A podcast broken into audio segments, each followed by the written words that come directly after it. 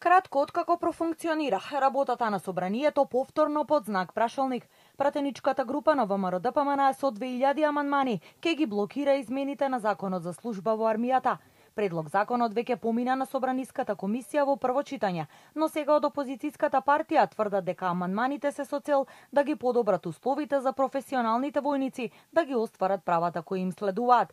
Иако споменаат 2000 аманмани, пратеникот од ВМРО ДПМН Бојан Стојановски на денешната пресконференција наброја само два, за кои очекуваат Министерството за одбрана да ги прифати.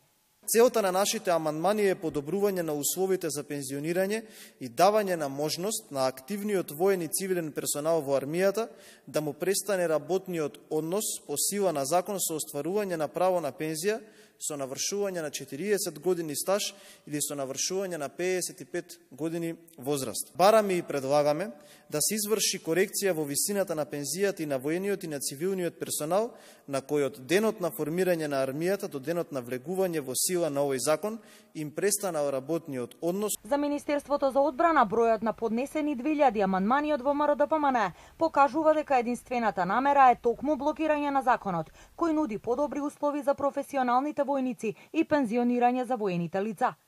Тоа е блокада на можноста за војниците по завршувањето на службата да добијат отпремнина од околу 25.000 евра, што за прв пат ја предвидуваат овие измени на законот. 2000 аманмани значат јавно признание на ВМРО ДПМН дека стои зад злоупотребата и партизацијата на армијата, бидејќи блокираат законско решение со кое ставаме крај на злоупотребата на позицијата воено лице во партиски цели, велат од одбрана.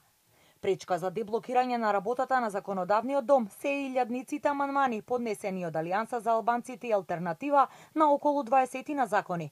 Оттаму остануваат на ставот дека прво ќе чекаат да помине законот за државјанство, па потоа ќе одлучуваат за повлекување на останатите аманмани со кои блокираат.